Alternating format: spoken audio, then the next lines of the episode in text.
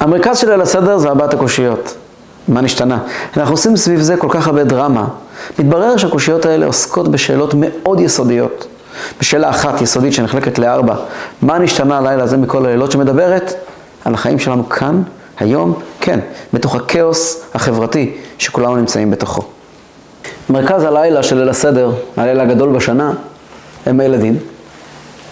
והמרכז של הילדים זה המה נשתנה, ארבעת הקושיות. ארבעת הקושיות הם רגעים מאוד מרגשים בכל בית.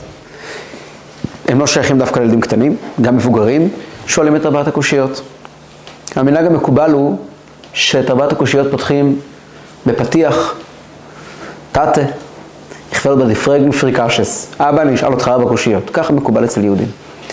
ואצל יהודים מקובל שכל הסדר שמדברים אל תתה, כשמדברים אל אבא, מתכוונים לא רק לאבא שנמצא כאן. כתוב שגם מי שאין לו אבא אומר, תתה יכפל בדיפרגן פריקשס. אבא, אני אשאל אותך ארבע קושיות. וגם מי שנמצא לבד פותח את הפתיח הזה.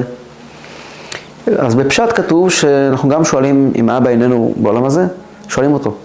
במקום שבו הוא נמצא בשמיים, הוא שומע את השאלה. אבל מעבר לזה כמובן, שתתך על בדיפרג מפריקה שסבא נשאל אותך ארבע קושיות, זה פתיח שמאוד מאוד אמוציונלי, כיוון שהוא פונה לאבינו שבשמיים. היום בארץ לא מכירים את הנוסחים של האותנטיים של היהודים. מאוד מאוד אה, קשה למצוא אה, אנשים שמכירים את הנוסח האותנטי. אבל יש נוסח אותנטי של ליל הסדר, יש דרך איך שהוא מתנהל, אה, לפחות אצל בגלויות אשכנז, מה שנקרא, שזה היה רוב מניין ורוב מניין של בני ישראל עד לפני דור.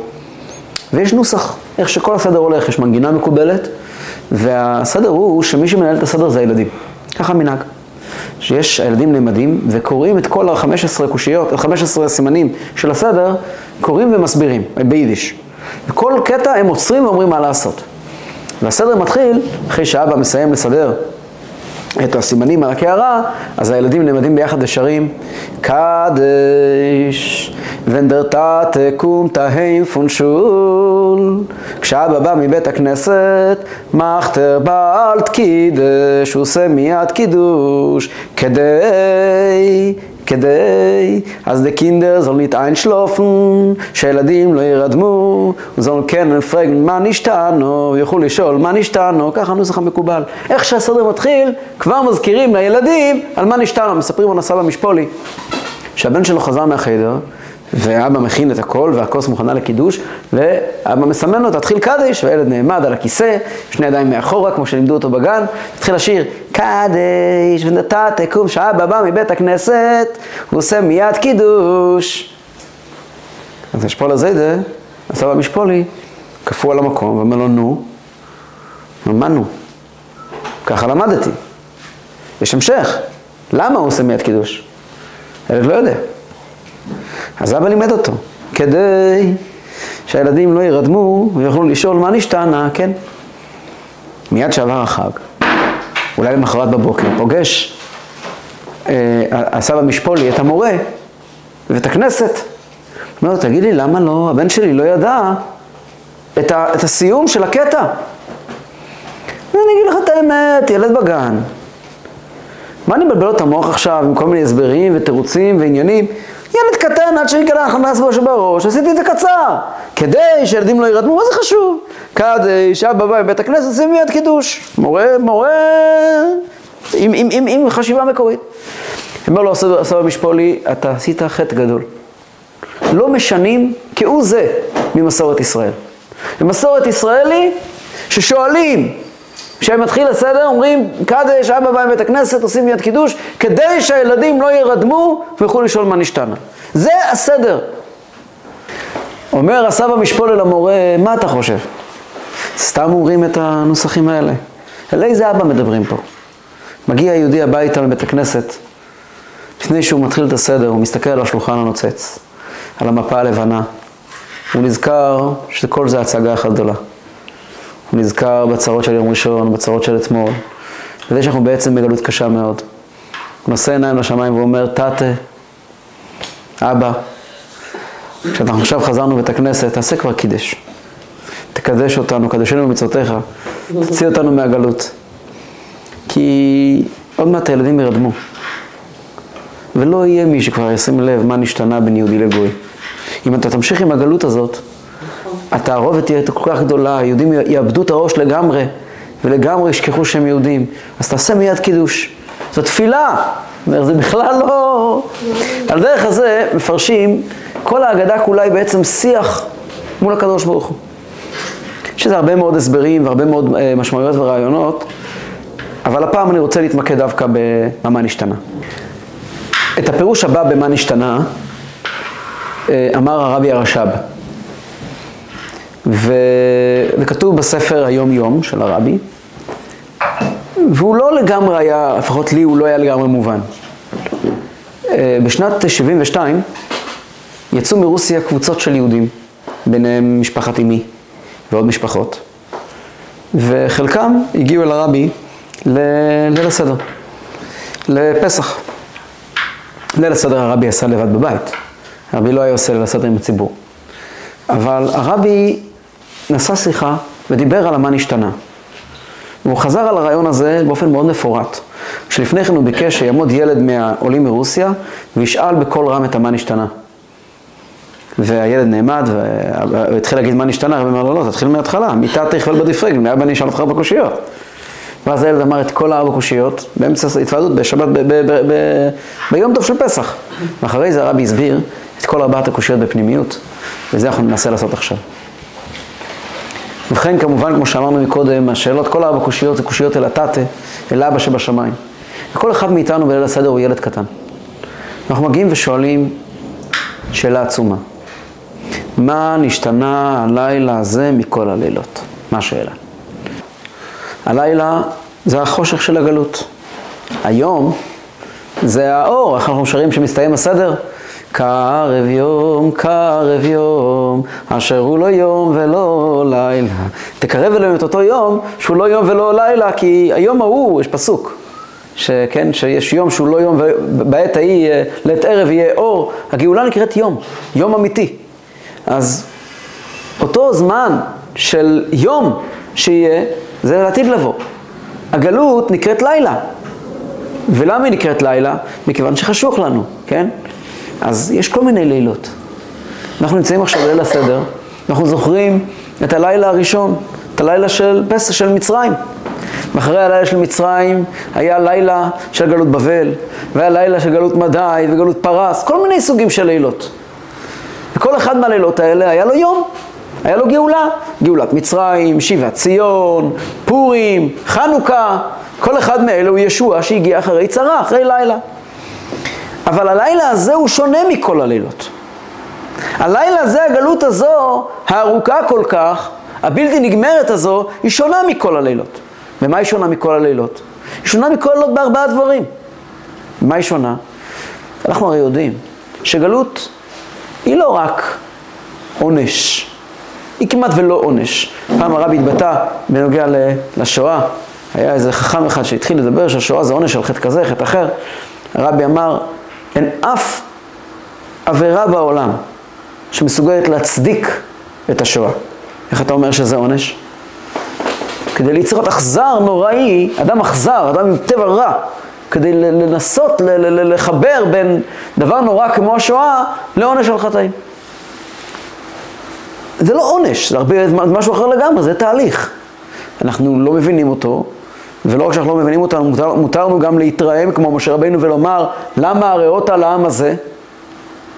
וכן, למה הריאות על העם הזה? משה רבינו מגיע לקדוש ברוך הוא בטענה. בפירוש, אנחנו לא אמורים להסכים, אף אחד לא מינה אותנו בכלל להיות, אה, להיות, אה, מעולם לא מונינו, לא קיבלנו מינוי להיות עורכי דין של הקדוש ברוך הוא ולהסביר למה הוא מתנהג אלינו ככה. אני לא חושב שאין לו הסבר, ודאי שיש לו הסבר, אבל אנחנו צריכים להתרעם, אנחנו צריכים לומר, כמו כל תהילים עליהם מזה. עד מתי השם ינף עמך בצאן מרעיתך וכן הלאה, מלא פסוקים בתהילים של טענה כנגד, איזה מין דבר זה. אנחנו לא אמורים לקבל את זה בשוויון נפש ולהגיד, כן, בטח, לקדוש ברוך הוא פתרונים, הכל בסדר. מפורש לא. יהודי מאמין, אברהם אבינו שואל, אף תספה צדיק עם רשע. משה רבינו שואל, למה הריאות על העם הזה? איוב שואל, צדיק ורע לו, רשע וטוב לו? אלו היו מאמינים גדולים מאוד, מתוך אמונה. מי שפחד לשאול, בדרך כלל אנשים שמאוד מאוד מתגוננים על האמונה שלהם, אין להם אמונה שלמה, אז הם מאוד מפחדים מכל סדק, שלא יקרה. אדם המאמין, המאמין השלם דווקא שואל. משה רבינו שאל, ולא פעם אחת. זו תורה וזו שכרה, הוא שאל משה רבינו בנוגע לרבי עקיבא. הקדוש ברוך הוא אומר למשה רבינו, אחרי השאלה שלו, למה הראותה? וארא אל אברהם, אל יצחק ואל יעקב, באל שדי, ושמי אדוני לא הודעתי להם, לא נודעתי להם. הכוונה היא, מוסבר בחסידות, שהקדוש ברוך הוא אומר למשה רבינו, הם היו זקוקים לגילוי אלוקי יחסית נמוך, שנקרא קל ש"ד. אתה, מתן תורה, הולך להתגלות אליכם קשר מיוחד עם שם ההוויה, שזו דרגה הרבה הרבה יותר גבוהה, וגלות מצרים זה הכשרה והכנה לזה, למה? לא ניכנס כעת לכל הפרטים. אבל זה נושא מאוד רחב, עסקנו בו אגב, באריכות כאן, בקיץ, בשיעורי הקיץ לפני, בתקופת תשעה באב. אבל הלילה הזה הוא כדי להגיע ליום חדש. כל אחת מהגלויות כשאנחנו קוראים, רוצים לדבר על, על גלות פרס, אנחנו לא אומרים גלות פרס, אנחנו אומרים פורים. כשרוצים לגלת, לדבר על גלות יוון, אנחנו לא מדברים על גלות יוון, אנחנו אומרים חנוכה. חנוכה. אז זאת אומרת, רוצים לדבר על גלות מצרים, אנחנו אומרים פסח. הכל הגלות זה כדי להגיע, זה לא הפירוש, הייתה להם צרה, למשל בגלות פרס, הייתה להם צרה ונחלצו ממנה, אנחנו עושים חג. זו הסתכלות מאוד שטחית. היה צריך להגיע לעולם חג כמו פורים. החג הזה לא יכול היה להגיע אלמלא גזירת המן. אותו דבר חנוכה. אלו דברים שהתגלו בעולם בעקבות גלות. על זה נשאלת השאלה, מה נשתנה הלילה הזה מכל הלילות? אנחנו רואים שהגאולה שתוציא אותנו מהלילה הזה תהיה שונה מכל הגאולות שהיו קודם. איפה? דבר ראשון, מטבילין.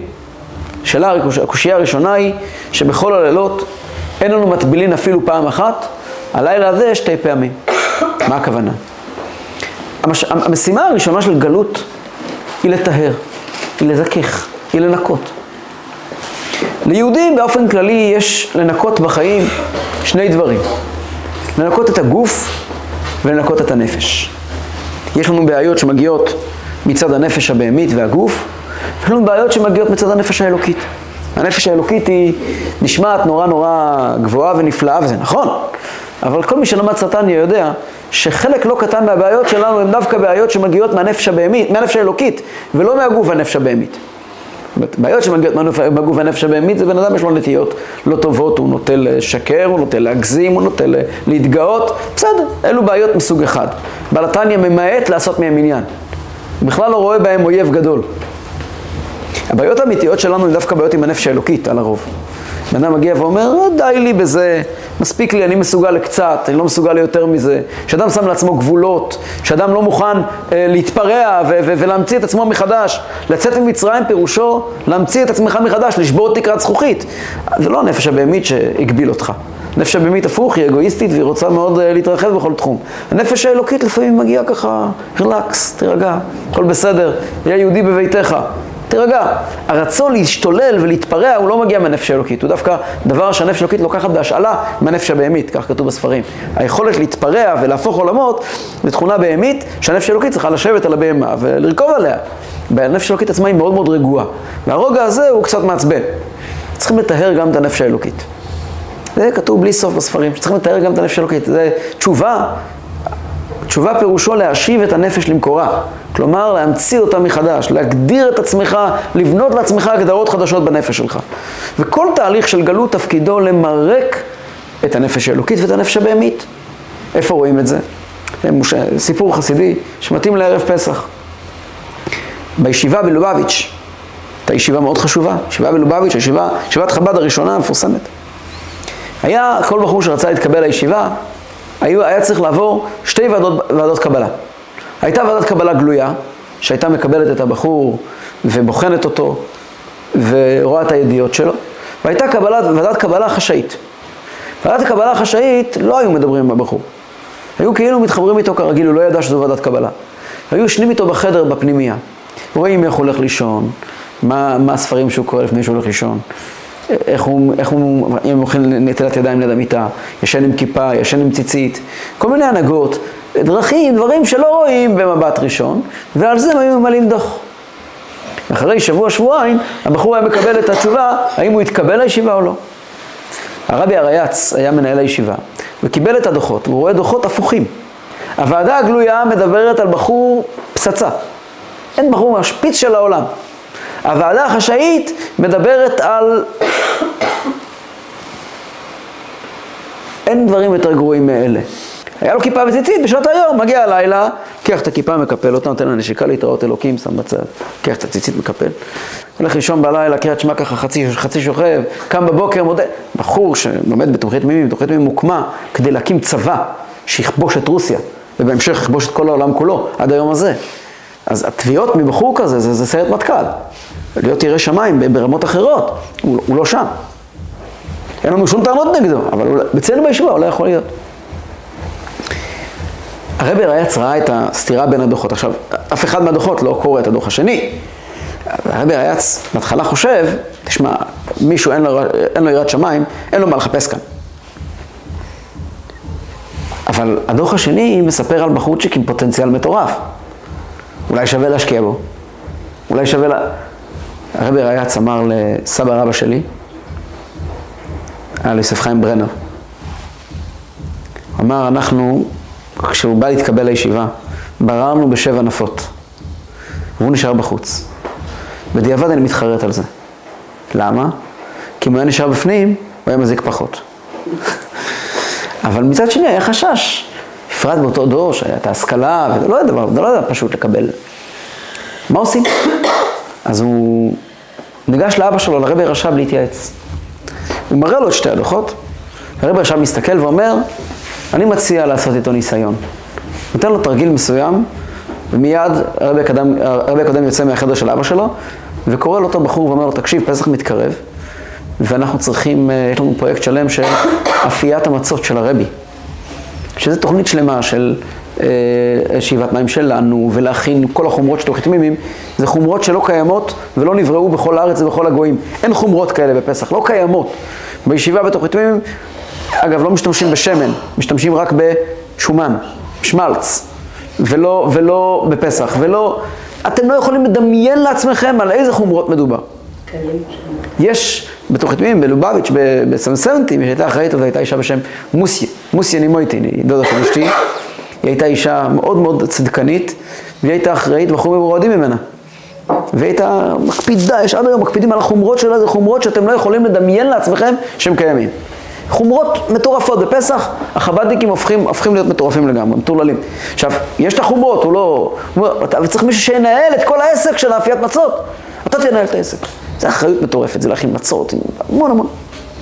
במקביל הוא שולח אליו את האחראי ואומר לו, תקשיב, בליל הסדר, בישיבה, יש כך וכך שולחנות. צריך, צריך שיהיה מישהו רב מלצרים, שיארגן שמתי האוכל יהיה מוכן, ושיצא בזמן, ושלכל אחד יהיה יין וארבע כוסות, ולארגן את כל הדברים. אז אתה תהיה אחראי על זה. על הרבי קודם הוא אמר כן, הוא לא יגיד לו לא. לבחור ההוא שניגש אליו ואמר לו את זה, אז הוא גם אמר כן. ואז דאגו שהוא יהיה אחראי על, ה, על, ה, על הבדיקת חמץ בבית מדרש. שזה עוד עבודה קשה מאוד. שוב אמר כן. ואז ניגש אליו המשפיע של הישיבה, האחראי הרוחני, אומר לו, תראה, בפסח בצהריים צריך שמישהו יחזור מאמר חסידות בעל פה. אני חושב שאתה תחזור מאמר חסידות, והוא גם אמר לו איזה. מאמר ארוך מאוד וקשה מאוד. בקיצור, הבחור אמר לכולם כן, כנראה הוא רצה להרשים. אבל הוא לקח על עצמו משימות בלתי אפשריות. והוא עמד בכולם. ביום האחרון של פסח, בסעודת משיח, אז הרבי היה יושב עם הבחורים, אוכל עם הבחורים. והרבי הגיע, ושואל את הרבי הקודם, מי זה הבחור שדיברנו עליו? בזמנו כשהבחור הגיע, הרבי עכשיו לא קיבל את ההחלטה מיד, אומר, אני רוצה לראות אותו. אבל הבחור לא ידע שהוא בכלל בדיונים, אז הרבי עכשיו עמד בחלון והוא הצביע לו, אמר לו מי זה הבחור. עכשיו בסעודת משיח, הרבי רשב שואל מי זה הבחור, אז אומר לו את הבחור. מסתכל ואומר לו, רבי רשב אומר לרבי רייץ, תסתכל, תסתכל מה זהה של מצווה עושה. כל הגסות הרוח פרחה לו מהפנים.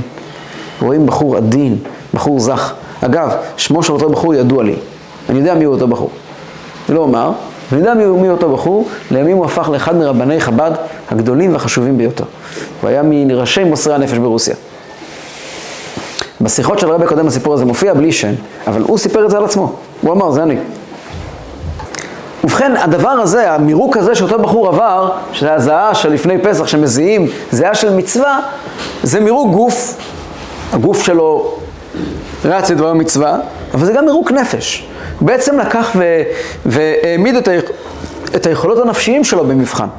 וכשבן אדם עומד באתגרים נפשיים, הוא משתנה, גם הנפש מת... מתמרקת. אומר היהודי אל הקדוש ברוך הוא, בכל הלילות, בכל הגלויות, אין לנו מטבילין אפילו פעם אחת. התפקיד של הגלות היה להם מרק, אבל כנראה שלא מורקנו אפילו עד הסוף, אפילו בגוף לא. למה?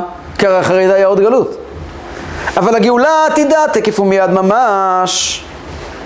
היא, אתה מבקש שזה יהיה, הלילה הזה אמור למרק אותנו לקראת הגאולה שתי פעמים, גם בגוף וגם בנפש. זאת אומרת, יש הבדל גדול בין הגלות שלנו לכל הגלויות, שכל הגלויות היה משימה קטנה, וגם בה לא בטוח שהם עמדו, אפילו לא פעם אחת, והלילה הזה שתי פעמים, רק אומר. מה המשמעות של זה כבר נראה. קושייה שנייה היא, לצווי תקשייז, כמו שאומרים, שקושייה שנייה היא, שבכל הלילות אנו אוכלים חמץ או מצה, או מצה. הלילה הזה כולו מצה. מה הכוונה? חמץ והמצה הם כידוע לנו עם אותו חומר. קמח ומים. ההבדל הוא אחד שהחמץ הוא, יש בו ישות, יש בו גאווה, יש בו התנפחות. הגלות, אחת המשימות הגדולות של הגלות היא להוריד מאיתנו, לנקז מאיתנו את, עודפים, את העודפים שלנו. להפוך אותנו לאנשים הרבה יותר מדויקים, הרבה יותר איכותיים. והיה כתוב שגלות מצרים, התפקיד שלה היה ללוש את בני ישראל. לקחת ולהפוך אותם, יצאו משם נכנעים. יצאו משם עבדים, היו מוכנים לקבל את התורה, בלי זה הם היו שווי ערך, הם לא היו מוכנים לקבל. יש פה איזשהו אלמנט של שפלות. השפלות אגב היא דבר שיש להקדיש לו אולי מילה או שתיים. כשמדברים על, פעם ראיתי במהר"ל, הגדרה נפלאה לעניין של מצה. וזה מאוד עוזר להבין גם את העניין הזה. זה עוזר להבין הרבה דברים. המהר"ל שואל, אנחנו אומרים שהמצה היא לחם של חירות. נכון? זכר לגאולה. מצה היא זכר לגאולה, לא זכר לגאולה, היא הגאולה. המרור הוא כנגד הגלות והשעבוד, אבל המצה היא גאולה. אם כן שואל המהר"ל, למה יילחם עוני? ולמה עשו מצה עשירה? מצה עשירה לא יוצאים ידי חובה. אם מערבבים ביחד עם הקמח והמים, או אפילו לא מכניסים מים, אלא מכניסים ביחד עם הקמח, במקום מים שמים ביצים ושמן. מקבלים עוגה. זה החמיץ? לא. אבל זה לא כשר לאכילת אה, מצת, מצת מצווה בליל הסדר. אז אה, שאל, שואל המהר"ל מפראג, לכאורה, אם אנחנו רוצים לבטא חירות, שיהיה אפשר מצה עשירה. למה דווקא לחם עוני, קמח ומים בלבד? בני המהר"ל, כדי להבין את זה אומר המהר"ל, שים לב איך אוכלים את קורבן הפסח. את קורבן הפסח אוכלים, אגב, בזמן בית המקדש היה קיים הייתה עוד שאלה, שבכל עולות אנחנו, אנחנו, אנו אוכלים בשר צ, אה, אה, אה, צלי נע ומבושל. הלילה הזה כולו צלי. אנחנו היינו אוכלים, אוכלים בקורבן פסח, יש מצווה שאומרת, פסח אינו אלא לאכילה, היא קרוב לאכילה, איך אוכלים אותו? אוכלים אותו צלי. הצלייה של הקורבן פסח היא בצורה כזאת שאסור שיגע בו שום דבר. אסור לו אפילו לגעת בקיר של התנור. אם הוא נוגע בקיר של התנור, צריכים לקלף את המקום שהוא נגע בקיר. למה? כי אז הוא לא, כתוב, כי אם צלי אש. אם הוא נגע בקיר של התנור, אז הוא נצלם מהקיר ולא מהאש. יותר מזה, היו מכניסים גדי מקולס, זה נקרא. מכניסים את הגדי כפי שהוא לתוך התנור, לא ייגע בצדדים, אז משווים אותו על שיפוד, כן? כמו שהוא, ראשו על קרב ועל קרבו, נכון? מוציאים ממנו את החלקים הפנימיים, מכניסים אותו כמו שהוא, ראשו על קרב ועל קרבו. העץ, השיפוד, שעליו מכניסים את הגדי, צריך להיות עשוי מעץ רימון. למה מעץ רימון? אפשר לראות מי שעובר, מי שפעם ראה עצי רימון יודע שיש שם הרבה שיפודים עומדים מוכנים, זה יוצא ככה כמו... למה עץ רימון? כי הרימון לא פולט מים. כל, אם תשים זה על שיפוד שעשוי ממתכת, מה יקרה? המתכת תתחמם, והפנימה של, ה, של, ה, של הגדי יהיה, יצלה לא מהאש, אלא מהשיפוד. אם אני אשים בפנים עץ של, שהוא לא יבש לחלוטין, אז הוא יפלוט מים, ויהיה פה בישול. והתורה אמרה, צלי אש. לכן משתמשים, בדקו וראו ששיפוד של רימון, כשהוא יבש, הוא לא פולט שום מים, וככה יכולים אה, לבשל את הגדי, לא לבשל, לצלות את הגדי, בצורה שהוא כולו באש. שואל המהר"ל, למה? למה? למה התורה ציוותה עלינו שכולו לא יהיה שום תערובת של משהו אחר? אומר המהר"ל רעיון מופלא. אומר המהר"ל, מה זה בן חורין? זה רעיון מופלא. הוא אומר, אם אתה פוגש בן אדם, בפרט בימינו, אתה פוגש בן אדם, שלום עליכם, עליכם שולם, אתה נותן לו יד, הוא מחזיר לך יד, אתה מחזיק את האצבעות שלו, זה בערך כל מה שיש לך ממנו. הראש שלו נמצא בטלפון. טלפון סגור, אבל בתוך הטלפון יש לו נגישות לבנק, לעשרה קבוצות שמטרטרים, לפייסבוק, לחדשות, לאלף ואחד דברים. כשאתה מדבר עם בן אדם, כמה אחוזים מהבן אדם יש לך ביד? את האצבעות שהוא נותן לך וזהו זה. כן? יש מחקרים שמראים שטלפון, אפילו כשהוא סגור, אם הוא נמצא באותו חדר עם הבן אדם, זה משפיע על הריכוז שלו ב-20 אחוז. וואו. עשו ניסיון. אמרו לאנשים להשאיר את הטלפונים בחוץ, או להיכנס איתם פנימה, זה משנה את הריכוז. טלפונים סגורים. פתוחים, מדובר על הרבה, אי אפשר בכלל לדמיין. כשאדם יושב עם טלפון פתוח, הוא לא איתך. הוא לא איתך. אומר המהר"ל לפני 400 שנה, כן? אומר המהר"ל, כשאתה פוגש בן אדם עשיר, אתה לא פוגש את כל הבן אדם. אני מניח שפגשת הרבה יותר ממה שאתה פוגש היום בן אדם עני, אבל אתה לא פוגש את כל הבן אדם. למה? אתה מדבר עם בן אדם, אבל הקשב שלו הוא לא רק אליך. יש לו נכסים, יש לו אוניות בים, ויש לו החזקות פה, וחובות שם, והתעסקויות כאלה ואחרות. אתה עומד לדבר איתו, אתה מדבר איתו, נכון, אבל לא לגמרי איתך. כשאתה תופס אני, אני של פעם, זה לא בן אדם שיש לו חובות בבנק. פעם, מי נתן לו אשראי בכלל להיכנס לבנק? זה אדם שיש לו בכל החיים שלו, יש לו תיק קטן, ילקוט קטן. בתוך הילקוט הזה יש לו ארוחת צהריים. And that's all, וכמה ווש, כמה בגדים. והוא הולך מעיר לעיר ומקבץ נדבות, כן? כשהוא מגיע לכאן, אותו אני נכנס אליך לבית כנסת או הביתה, כולו הגיע. הוא לא השאיר כלום בחוץ. הוא אומר, מי יותר בן חורין? מי יותר משוחרר? העני או העשיר? אומר, העני הרבה יותר משוחרר. נגיד את זה בצורה יותר עדינה, בחור ישיבה. בחור ישיבה, אני זוכר שאני בתור בחור ישיבה, מה היה ההבדל בין יום שבת ליום חול? העט. ברגע שנכנס השבת, מוציאים את העט מהכיס, קיבלנו שבת. אגב, כתוב בהלכה שהסיבה שגזרו בגזירת מוקצה, אחת הסיבות, זה בגלל תלמידי חכמים. יושב בישיבה ולומד תורה, אין שום הבדל בין יום שישי לשבת. כל השבוע שבת.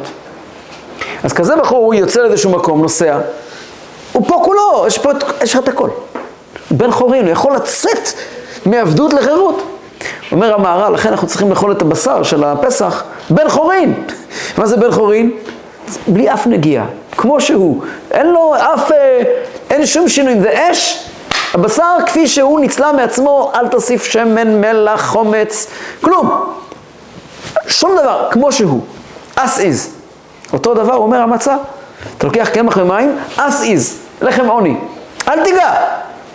אל תיגע, כדי שיהיה לך בידיים את הדבר בעצמו. אומר, פסח זה החג של הדבר בעצמו. זה הרעיון של מצה.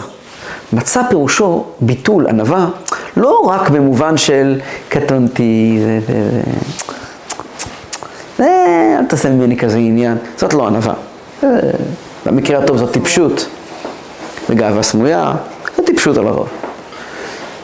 ענווה אמיתית זה לבוא ולומר הנני. להגיד הנני זאת ענווה. כשבן אדם מגיע ואומר אני מוכן להתייצב ראשון, כשבן אדם מתחיל להגיד יש לי דרישות, אני מוכן לשרת, אבל בתנאי שיחשבו כמוני, ויתנהגו כמוני.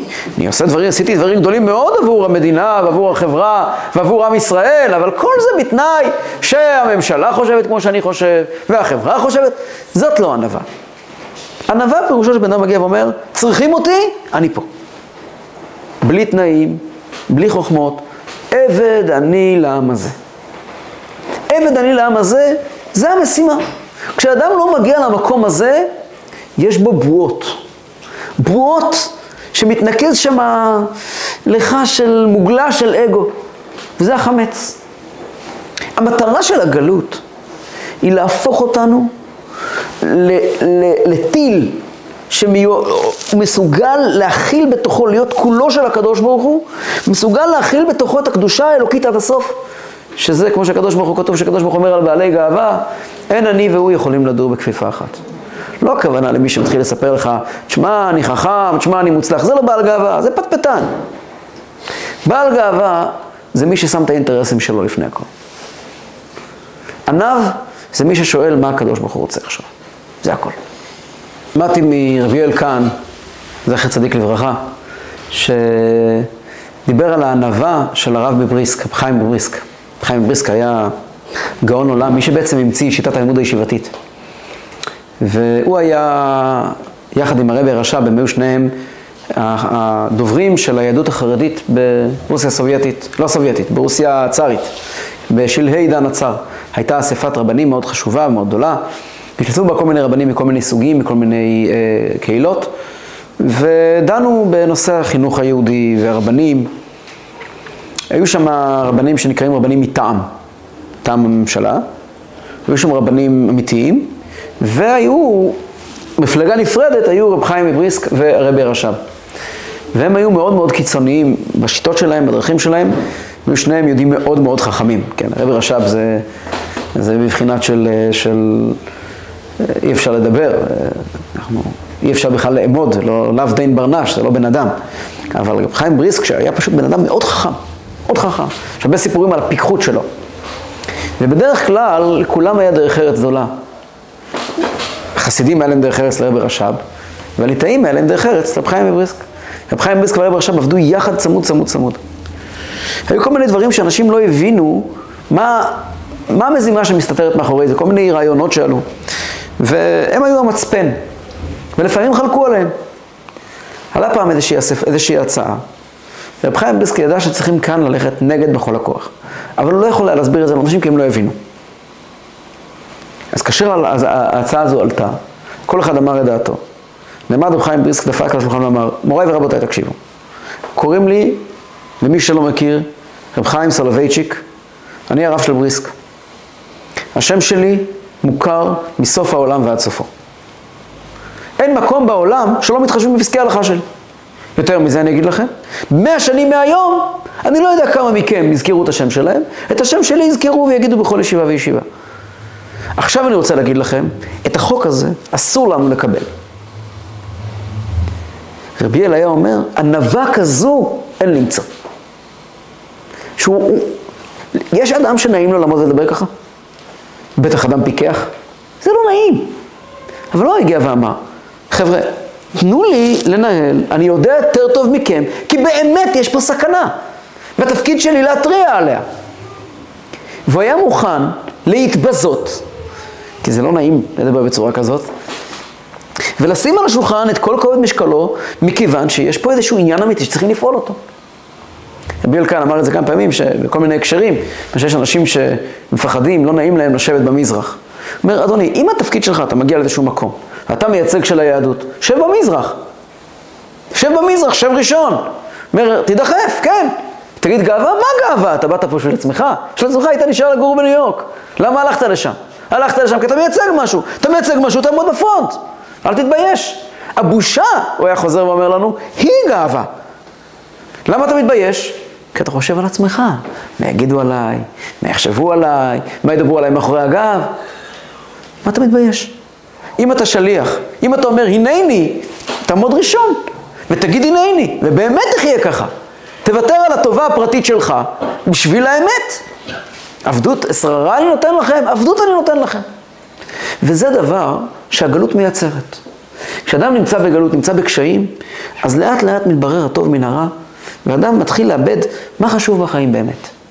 להגיע לממדים כאלה של מסירות נפש, כמו שאנשים מגיעים בזמן של גלות, לא היה בזמן של גאולה. בזמן של אור בעולם לא הגיעו אנשים לכאלה רמות של מיקוד ודיוק וכיוון למטרה והנני, כמו שאנשים הגיעו בזמן של גלות. בכל התקופות, בכל הדורות. אבל זה אומר, אומרים, כל הלילות אבל, היה חמץ והיה מצה. היה ככה והיה ככה. אבל מהגלות הזאת אנחנו אומרים לצאת כולו מצה. אנחנו צריכים לצאת שכולנו מדויקים עד להחריד, כולנו לגמרי לגמרי מכווננים, מקווננים לרצון השם, מוכנים להיגאל ברמה הכי אמיתית שיש. אז מילא הלילה הזה הוא שונה מכל הגלויות. זו השאלה השנייה. שאלה שלישית, שבכל לילות אנחנו, אנחנו, אנו אוכלים שאר ירקות. הלילה הזה מרור. מה הכוונה? ירק זה לא אב מזון שאי אפשר לחיות בלעדיו. אי אפשר לחיות בלי פחמימות. אפשר לחיות בלי חלבונים. ירק נקרא ללפת פה את הפת, ככה זה נקרא בהלכה. אנחנו אוכלים פת, שזה עיקר, על הלחם, בעיקרון האדם אמור לחיות מלחם, לא הלחם לבדו יחיה אדם, אדם אמור לחיות מלחם. ויחד עם הלחם מוסיפים עגבנייה, שמים על הלחם חסה, כן? יש דברים, זה הולך בעצם על כל המותרות בחיים שלנו. על כל הדברים שהם לא בדיוק בדיוק הצורך הבסיסי שלנו. וכל כל, כל הגלויות פעלה, פעל עלינו להיות מדויקים. אתם יודעים, כשאדם הולך להיות uh, ספורטאי, קובעים לו כמה הוא יאכל ואיך הוא יאכל. מדייקים אותו עד לקצה. ואיזה שעה הוא יאכל. וכל הגלויות גרמו לנו שאר ירקות. ירק מלשון, מלשון אה, כל, כל הכועס פניו מוריקות. זה, זה כאב. כל הגלויות פעלו, לנו כאב וחוסר משיכה לגשמיות, לתאוותנות, אבל זה לא הגיע לרמה של מרור. אנחנו אמורים להגיע לגאולה בכזה מצב, הגאולה תהיה, יהיה כזה מצב, שאנחנו נחוש בנוגע לכל תאוות העולם הזה, אין ברירה, צריכים לאכול. זה מרור, לא מאוים בזה, זה לא טוב לי. זה הרבי ככה הסביר. הרבי רש"ב הסביר דווקא פה הוא קצת שונה. כלומר, כל ה... שהתפקיד של הגלות זה לגרום לנו געגוע, צמאון. אז ירקות מלשון ירקון, אה, חוש...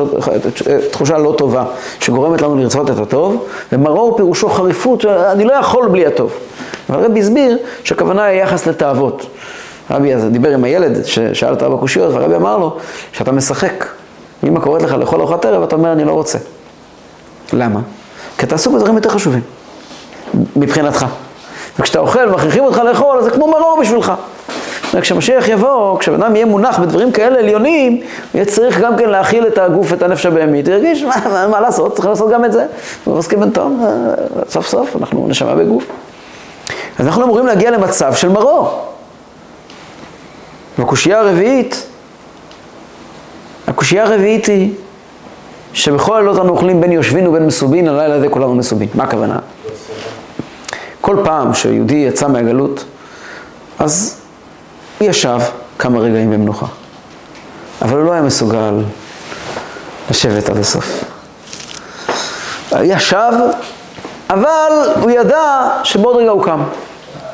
מקל המדודים היה מוכן. תיבת הגלות היה ביהודים באירופה, כל בית היה תיבת גלות. מה זה תיבת גלות? תיבת גלות היה להם קופסה בבית עם כל מה שצריך לצאת לדרך ברגע שרק רוצים. תמיד היה ככה ליהודים.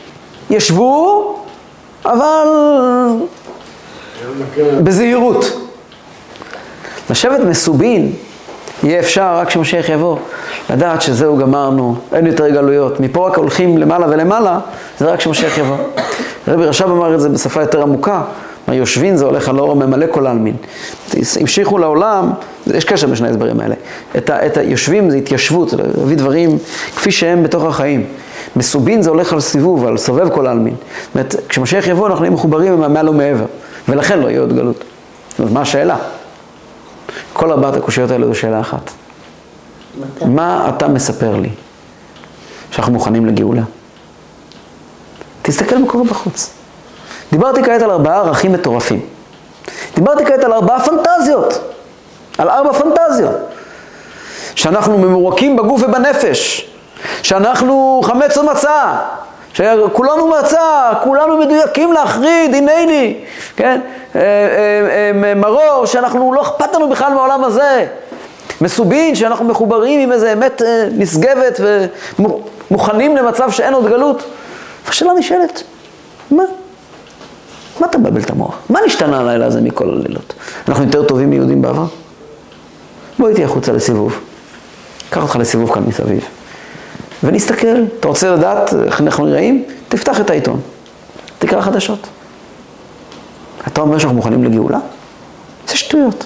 בוא אני אספר לך מה זה גאולה. מה נשתנה הלילה הזה מכל הלילות? בוא נספר את כל ארבעת הקושיות האלה. אנחנו מוכנים? עונה אבא לבן, עבדים היינו לפרעה במצרים, ויוציאנו השם אלוקינו משם, ביד חזקה ובזרוע נטויה. ואילו לא הוציא הקדוש ברוך הוא את אבותינו ממצרים, הרי אנו ובנינו ובני בנינו, משובדים היינו לפרעה במצרים. מה אומר האבא לבן? הרזר חיינינגלה, תקשיב ילד, אף פעם זה לא היה אחרת. במצרים גם לא היינו נראים מוכנים לגאולה. עבדים היינו לפרעה במצרים. וברגע אחד, ויוציאנו השם אלוקינו משם, ביד חזקה ובזרוע נטויה. זה לא היה דבר קל. מה פירוש משהו קשה לקדוש ברוך הוא? זה לא היה דבר קל כיוון שאנחנו לא היינו נראים מוכנים לגאולה. כאילו לא הוציא הקדוש ברוך הוא את אבותינו ממצרים. אז למרות שהוא הבטח לנו, גר יהיה זרעך, ודור רביעי ישובו הנה, אבל אם לא הקדוש ברוך הוא היה מתערב, אז אנו, בנינו ובני בנינו, מה אתה חושב? אחרי אלפיים שנה בגלות, אנחנו נראים כמו, כולנו נראים כמו הבבא סאלי? ככה אתה חושב? זה הגיוני בכלל? התהליכים שאנחנו עוברים, תהליכים פנימיים. הגאולה תקרה באותו רגע שהקדוש ברוך הוא יחליט להוציא אותנו ממצרים ביד חזקה ובזרוע נטויה, באותו רגע זה יקרה בשעת אחת או ברגע חדה. ואז יתברר למפרע שאנחנו מוכנים בכל הסביביות, שבאמת אנחנו מוטבלים שתי פעמים, ושאנחנו כולנו, כולו, כולו מצה, ושאנחנו מרור, וכולנו מסובין. כל זה יתברר רגע אחרי הגאולה, ברטרוספקטיבה נגלה שאנחנו מוכנים. אבל אתה מצפה דקה לפני הגאולה לראות שאנחנו מוכנים. לא ילד, זה לא עובד ככה. עבדים היינו לפרעה במצרים, ויציאנו השם אלוקינו משם. הלילה הזה, באתי להזכיר לך ילד, שאנחנו עומדים להיגאל, כי נגאלנו, אנחנו שייכים לקדוש ברוך הוא. לא את אבותינו בלבד גאל הקדוש ברוך הוא, כי אף אותנו גאל עמהם. ובעזרת השם, למרות שאם אתה פותח רדיו וחדשות וקורא עיתונים, נדמה לך שכנגד ארבעה בנים דיברה תורה. וכמו שהרבי אמר שבדור שלנו יש לנו גם את הבן החמישי שאפילו לא יודע שיש סדר. וגם לא צריכים לדאוג. ונדמה לך, אתה פותח את העיתון, נדמה לך שאנחנו נמצאים בתקופה הכי קשה ever מבחינה רוחנית. דע לך, עבדים היינו לפרעה במצרים, ויוצאנו השם אלוקינו משם. הקדוש ברוך הוא יוציא אותנו מזה, וניגאל גאולה אמיתית, גאולת עולמים. אם נהנתם מהשיעור, אתם מוזמנים להצטרף אלינו, לעשות לייק, לכתוב תגובה, לשתף לחבר, והכי חשוב, ללחוץ על הפעמון כדי לקבל התראה בכל פעם ששיעור חדש עולה.